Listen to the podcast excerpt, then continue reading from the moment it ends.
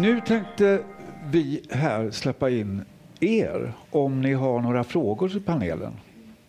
Ja, eh, frågan är då ungefär om eh, Brechts förfrämdungsbegrepp är tillämpbart på precis den här diskussionen. Ja. Ja. ja. Ja, men väldigt mycket. Det känns nästan som en, en förfining, tycker jag. Alltså när jag läser om det och hör om Brechts eh, främmandegörande liksom, så tycker jag att det här är ett eh, förfinat sånt faktiskt. Det låter lite, jag vet inte, jag såg inte Brechts grej på 50-talet så, men allt har ju satt i sin tid också. Men, men eh, man behöver liksom inte göra de typen av grova distanseringssaker utan det finns i formen, vilket ja, en vidareutveckling ja. kanske, eller, ja, en, eller precis samma sak. Robert? Ska jag försöka upprepa? Eh, Robert eh, frågar sig lika mycket som oss tror jag, är då om inte den psykologiska realismen som har då varit så förhärskande men som egentligen lämpar sig bäst på film och, men som har flyttat in på teater mer och mer och ställer krav på det. Om det är inte så att dockteatern kan komma in som en befriare här och låta då teatern, skådespelandet bli mera konstnärligt och, och ge möjligheter då även för publiken att eh, vara medskapande och fylla i. Är det rätt ungefär? Vad du vill säga? Ja. Ja. Jag, jag hatar begreppet psykologisk realism. Alltså jag, tror, eh, jag, jag, tror inte på psykologi, utan social realism i sådana fall, för min del. Um, men um, man kan lätt hamna i sådana här saker, ett ideal, alltså att någonting är rättare än det andra. Jag tycker det är också ointressant. Liksom. Men det, det finns en möjlighet att titta på social realism Eh, utan att behöva bedöma människorna på se hur äkta det är. Men jag tror, ja, det skulle vara fantastiskt att se den scenen eh, liksom också, att människor som spelar mer stiliserat. Jag vet men men eh, jag vet inte om det är fruktbart att tänka liksom på det sättet att nu har vi hittat något ultimat. Allt har sina användningsområden, tänker jag. För, för oss på Lumor så har vi, vi har liksom utmärkt oss genom att spela Eh, naturalistisk, ultranaturalistiska pjäser och dockteater. Och ofta i en blandning. Eh, och för, för mig som regissör har det varit eh, just för att det har varit liksom ett, att använda dockorna så som de är. Med, som, de kräver liksom aktion och val och allting de gör har en symbolik i sig självt. Och att ställa det emot hur ni fick göra som när ni var liksom skådespelare, när ni var liksom superpassiva och superöppna och eh, eh, alltså onaturligt passiva ofta. Eh, och att ställa, ja, för att vara på scen. Så att det var det liksom att vi ställde det mot varandra. För mig blev det en, att intressant att kombinera de två. Ju längre vi arbetar, ju mer sa jag till er, backa ännu mer, ta ner ännu mer, låt det vara ännu slappare. För att eh, symboliken låg i vad dockorna gjorde, liksom däremellan. Så, eh, ja, så det var min reflektion. Och men ni kan ju komma så otroligt långt där. Jag har varit med här på eh, Dockteatern och Figurteaterdagarna här och sett wellpappen gråta. Visst kan wellpapp gråta? Alltså när Larssons teater, eh, eller Dockteaterverkstan spelade en dag på Larssons lager så var det ju, alltså eh, när jag kom hem och berättade om det på min, min grupp där jag sitter och jobbar så skulle alla störta hit och se på det för de förstod att det här var något omskakande. Och då är det ju, det är ju helt enkelt att komma så långt, någonting som är då, vad ska vi säga, så dött för att använda ditt uttryck Oskar, och så dött som wellpapp och som kan bli så känslomässigt omskakande. Det var ju likadant, du använde också wellpapp i i funktionell dumhet. Så. Alltså visst är det det att man kan komma väldigt, väldigt långt och nå känslor otroligt mycket genom att, så att säga, inte försöka illustrera dem på scen. Ja. Mm. Precis. Vi har ju ett underbart läge där, där det ändå är hyfsat ovanligt att vuxna tittar på dockteater. Så, så många i, i publiken är väldigt ovana att se formen. Och bara det är helt fantastiskt att vara i en sån punkt och jobba med någonting så ovanligt för att publiken som kommer är ofta till stor del inte beredda på vad de ska se. De tycker det låter lite knasigt att de ska gå och se dockteater och så, så de är så oskyddade, alltså det, på det, bara på det sättet, som att se någonting man inte är beredd på. Så att det, det är jag med om väldigt ofta att att folk kommer ut efteråt och vet inte riktigt vad de har varit med om liksom, och är helt omtumlade. Och det tror jag när man ser igen kan man säkert bli omtumlad också, men det finns någonting i det där att vara helt oförberedd. Så vi har ju en, det är fantastiskt att kunna ge det till människor faktiskt. Mm. Eh, hur, hur vi upplever att materialet lever? Ja, det är en bra fråga. Jag tror det är en dockspelare, det är dockspelare att vara dockspelare. Ja. En bra dockspelare kan uh, ta en bit papper och det blir levande. Mm. Men det är någonting man kan lära sig också tror jag. Men, uh, ja, men jag har upplevt i min grupp att uh, Elina Nilsson, fantastisk dockspelare, och när vi gjorde papper som var bara med papper. Och vi gjorde en bollpapper och sen var det någon varelse. Jag vet inte om det var ett djur, vilket djur det var, men det var levande.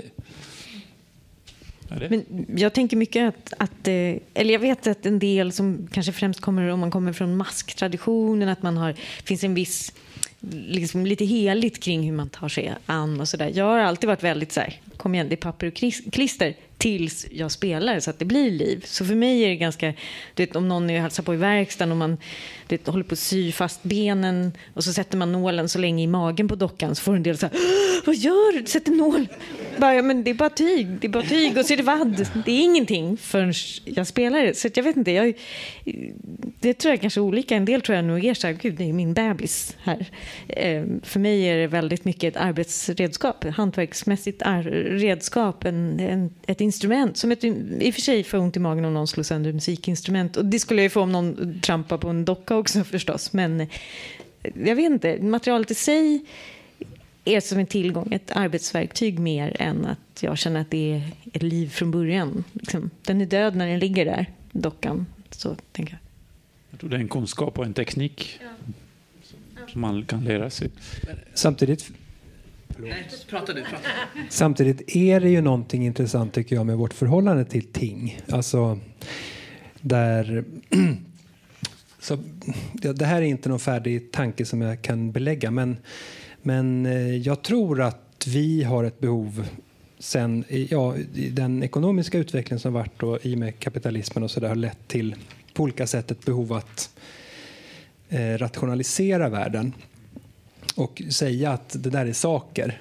Ehm, och eh, samtidigt så tror jag att in, i, i tidigare stadier så har vi inte kategoriserat eh, världen på samma sätt. Liksom. Och eh, det där handlar ju både om att eh, innan liksom 1800-talet så sa man inte att någon var konstnär. Liksom. Det är något ganska modernt begrepp. Och man kategoriserar liksom olika områden av liv, privatliv, yrkesliv, konstnärskap, amatörmässighet. Eh, och på samma sätt tror jag även med ting och oss, att vi distanserar oss från världen genom att säga att det är döda saker.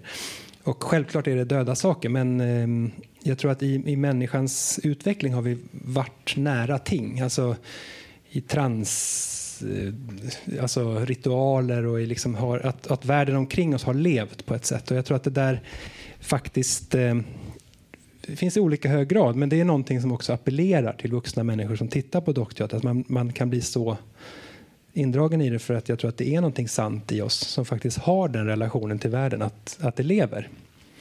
Ja. Det, kanske är det att växa upp delvis är att låta världen avförtrollas. Om man växer upp i västerlandet idag.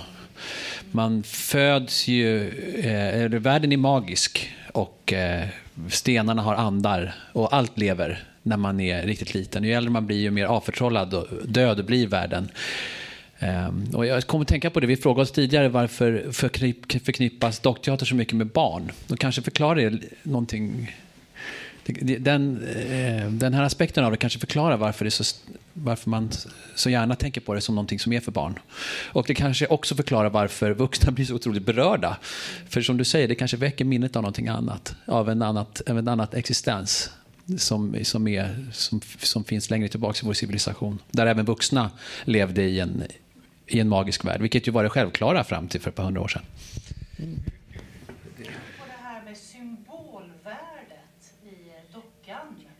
Att det är ju verkligen en för någonting. Det är ju dött fram tills dess att vi lägger en symbol i det.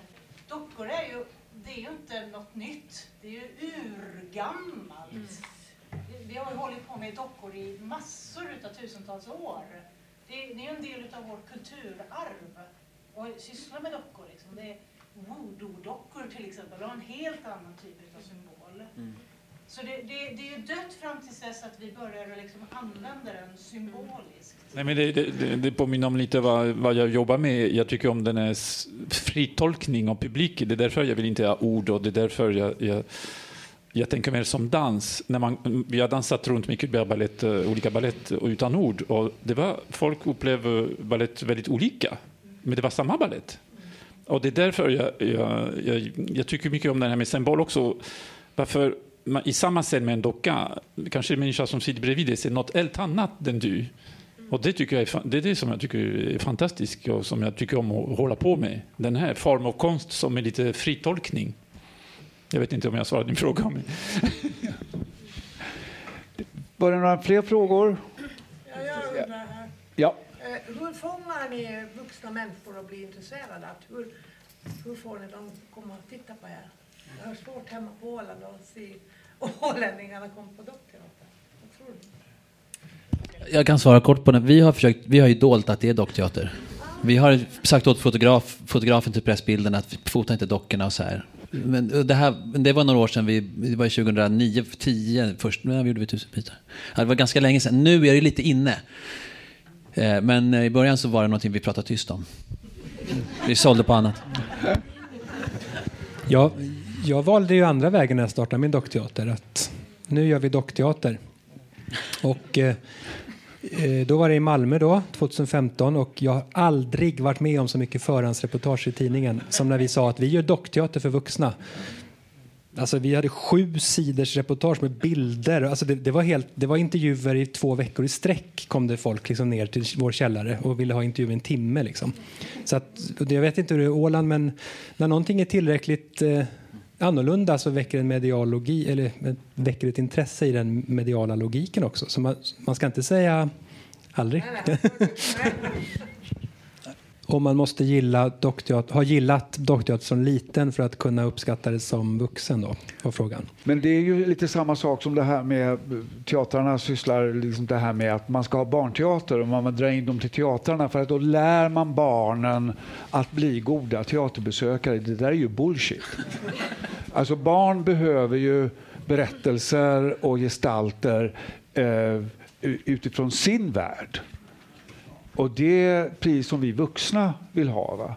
Så att jag tror inte på att man lär barn för att de ser dockteater som små, att de sen ser dockteater som vuxna. Det har Kanske- ju dessutom ofta, lika ofta motsatt. Man har ju lika många vuxna som säger jag ska aldrig mer gå på teater för jag såg så dåligt teater. Ja. det är både och. Jag menar, det kan Ja, ja. slå åt alla håll. Men nej, jag har inte heller den här erfarenheten att det, att det Många kan prata om åh, jag, jag lekte med dockor när jag var liten. Det kan komma upp. Liksom. Så att, kan hända att om man har en relation, haft en relation till dockor, att det Många tycker att det är något väldigt läskigt också med dockteater, scen för teaterdockor. Alltså, att det är så här, "Åh!" Jag hade ett gäng tonåringar nere i min verkstad på besök och de bara Va? Är du här nere själv med de där? ja. Men det är, också, det är ju fantastiskt att det är en våg nu av dockteater. För dockteater för vuxna har ju faktiskt gjorts även i Sverige och i, framförallt i, ja, i hela världen egentligen. Men sen liksom 60-talet i alla fall. I omgångar. Och då var det väl lite inne som det har lagt sig. Så går det väl i vågor sådär. Så nu är det bara rida på den här vågen och göra så mycket dockteater för vuxna som det bara går.